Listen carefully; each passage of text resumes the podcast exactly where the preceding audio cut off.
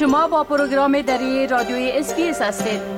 گزارشات عالی را در sbs.com.au دری پیدا کنید. شنونده های عزیز حال جاوید روستاپور خبرنگار پروگرام دری در جنوب آسیا با ما به تماس هستند که درباره تازه ترین رویدادها در افغانستان معلومات میتن آقای روستاپور سلام عرض می کنم خب گفتم این که درگیری ها در ولسوالی اندرا به ولایت بغلان بین طالبان و نیروهای مقاومت ملی تلفات داشته و گفتم این که این درگیری ها همچنان ادامه داره. بله؟ با سلام وقت شما بخیر. آقای شکیب بله همان گونه که شما اشاره کردین جبهه مقاومت ملی افغانستان از دفع عملات طالبان در های دره اندراب ولایت بغلان خبر داده و گفته که در این عملات شماری از طالبان کشته و زخمی شدند. سبقت احمدی سخنگوی این جبهه ناوقت روز دوشنبه در صفحه فیسبوکش تا یک اعلامیه نوشته که طالبا از چند روز به ایسو حملات شدید را به سنگرهای نیروی مقاومت در دره جز و قاسان اندراب را اندازی کردند. اما با شکست سنگین روبرو شدند. آقای احمدی ادعا کرده که در این درگیری ها ابدعتا از افراد مربوط به قطعات بدری و عمری طالبان کشته شدند. سخنگوی جبهه مقاومت در بخشی از اعلامیه خود گفته که محمد یعقوب مجاهد سرپرست وزارت دفاع طالبان رهبری جنگ را به عهده داشت که پس از شکست دوباره به کابل برگشت. او همچنان افزوده که در چند روز اخیر در پنشیر خوست و بغلان نیز تلفات زیادی به طالبان وارد شده و رویه جنگی دشمن به گفته او از هم پاشیده. اما اسدالله مصطفی هاشمی رئیس اطلاعات فرهنگ طالبان برای بغلان گفته که درگیری در حدی که جبهه مقاومت ادعا کرده در ولسوالی های سیگانه اندراب وجود نداشته. تنها از بلندی های کوها و گفته رئیس فرهنگ طالبان نفرهای مقاومت بالای پاسگاه های طالبان فیر داشتن و انداختایی داشتن که به گفته از او این فیرها بسیار خطیف بوده و به سنگرهای از یا وارد نشده و هیچ گونه تلفاتی هم گفته بر طالبان وارد نشده بلکه چند تن از افرادی وابسته به جبهه مقاومت اسیر شدن و تعدادی از افرادی از یا در عملیات تصفیه‌ای طالبان گفته که کشته و زخمی شدند. این در حالی است که در طی روزهای گذشته تخار و بغلان و همچنان پنشیر گوای درگیری ها بود و منابع محلی از این ولایات گفتن که درگیری ها ساعت ها به طول می انجامید و تا برخی قریه ها که در محل درگیری وجود داشتن ساکنان از این مجبور به ترک خانه های شدن ولی به دلیل از اینکه رسانه ها به این محل دسترسی ندارند تایید اخباری که از دو طرف گزارش می‌شد برای رسانه ها و خبرنگاران بسیار دشوار است. بله. خب همچنان گفتم میشه که یک هیئت پاکستانی برای گفتگوهای درباره مسائل تجارتی به کابل آمده. می‌تونین بگوین که شما درباره سفر ای هیئت به کابل چی می‌دانین؟ بله یک حیات پاکستانی بر ریاست سال محمد فاروقی این وزارت تجارت پاکستان عصر روز دوشنبه وارد کابل شد. این حیات قرار بود روز یک شنبه به افغانستان سفر کند با یک روز تاخیر به کابل آمد. و توسط مولوی قدرت الله جمال معین وزارت صنعت تجارت حکومت پاکستان در میدان هوایی کابل استقبال شد.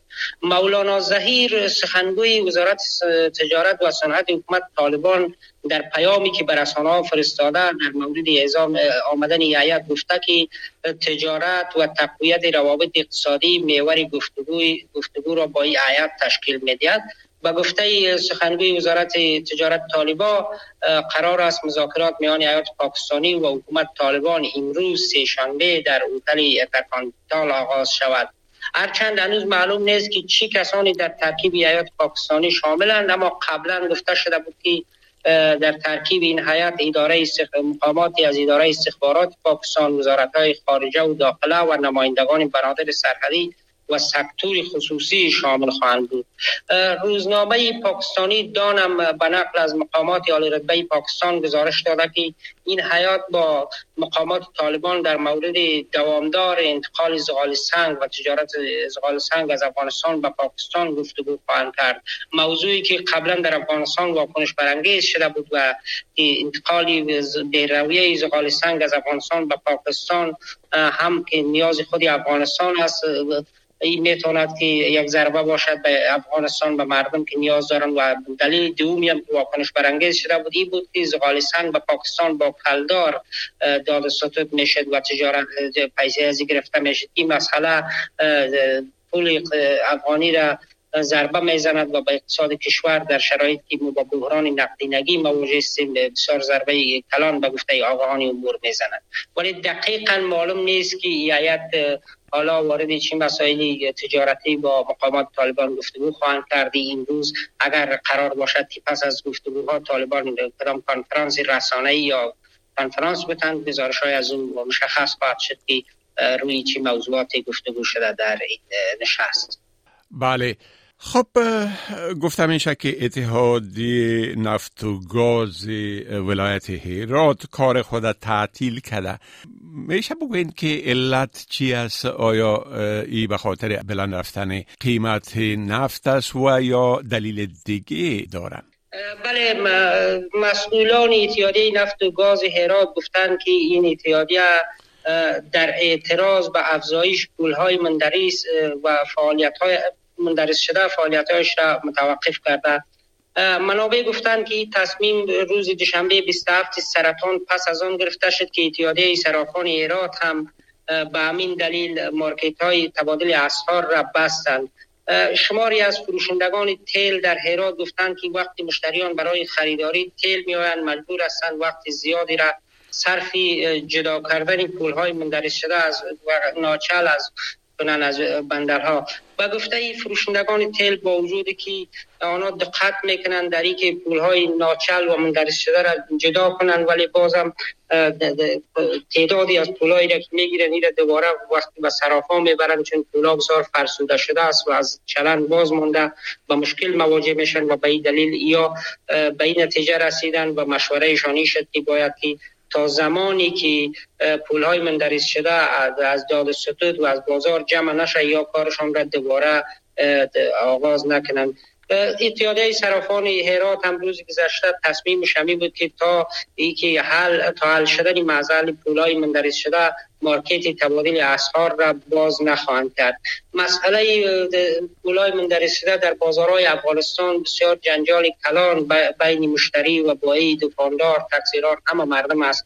به دلیل از اینکه گفته میشه که پولا چندین بار جمع شده که عریق شد ولی به دلیل از اینکه طالبا پول دوباره در بانک ها ندارن این پولا را دوباره به مامورین دولتی و به جایی که قرار است که توضیح کنن دوباره دادن و وارد چلن در بازار کردن و این بسیار جنجالی کلان را در میان مردم به بار آورده که فعلا به گفته منابع 70 درصد پولایی که در بازارهای افغانستان در چلن هستند این پولایی هستند که در حقیقت باید حریق شد و جمعوری شد نه که یا ستود صورت بگیرد بله.